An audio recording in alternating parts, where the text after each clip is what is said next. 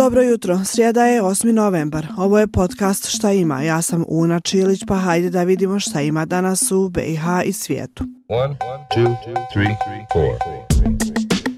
Danas se očekuje izvještaj o napretku Evropske komisije o Bosni i Hercegovini za 2023. godinu.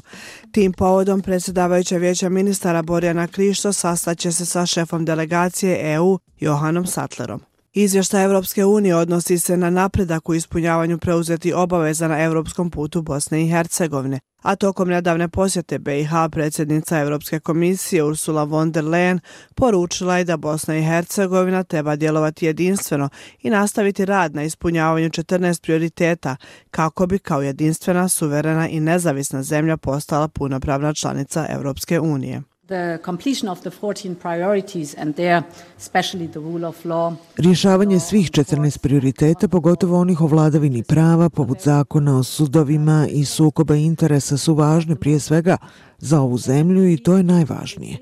Drugo, to će biti dodatni dokaz sposobnosti vaše zemlje da napravi iskorak. Uh, the capability to move forward and to strengthen U oči objavljivanja izvještaja predsjedavajuća vijeća ministara Borjana Krišto uputila je pismo komesaru za proširenje Evropske unije Oliveru Varhelju u kojem je navela kako je BiH učinila vidljive pomake i značajan napredak, naročito na potpunom usklađivanju svojih vanjsko-političkih stavova sa stavovima Evropske unije, u napređenju vladavine prava, borbi protiv korupcije, jačanju ekonomske stabilnosti te izgradnji inkluzivnog i funkcionalnog BiH društva. Kakva će biti ocjena napretka i da li postoji mogućnost otvaranja pregovora o članstvu BiH u Europskoj uniji saznaćemo tokom dana. Do sada su Hrvatska, Mađarska, Rumunija, Slovenija, Austrija i još neke zemlje tražile da BiH dobije datum za početak pregovora, s obzirom na to da je jedina zemlja na Zapadnom Balkanu koja ima status kandidata, ali koja nije otpočela pregovore. Sa druge strane, neke zemlje su protiv toga da BiH dobije datum za početak pregovora, insistirajući na tome da prvo treba da ispuni zadane uvjete. U Sarajevu počinje prvi kongres lica sa invaliditetom u BiH. Cilj je stvaranje široke platforme za diskusiju i postizanje saglasnosti među različitim zainteresovanim stranama o pitanjima od značaja za lica sa invaliditetom. Kako je saopšteno iz Unije organizacija lica sa invaliditetom, osobe sa invaliditetom čine 15% stanovništva u Bosni i Hercegovini, ali još uvijek nema primjene pozitivnih zakonskih propisa na svim nivoima vlasti.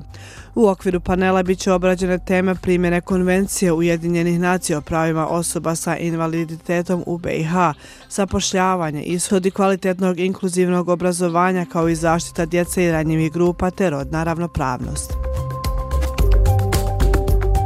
Obilježava se Svjetski dan urbanizma, koji prepoznaje i promoviše ulogu planiranja i stvaranja zajednica pogodnih za život. Ove godine se obilježava u okviru teme Učite globalno, primjenjujte lokalno. Na ovaj dan urbanisti kao i zajednice širom svijeta okupljaju se kako bi proslavili to kako dobro planiranje poboljšava živote ljudi i kako koristi društvo u cijelini stvarajući mjesta na kojima se zajedno živi, radi i igra.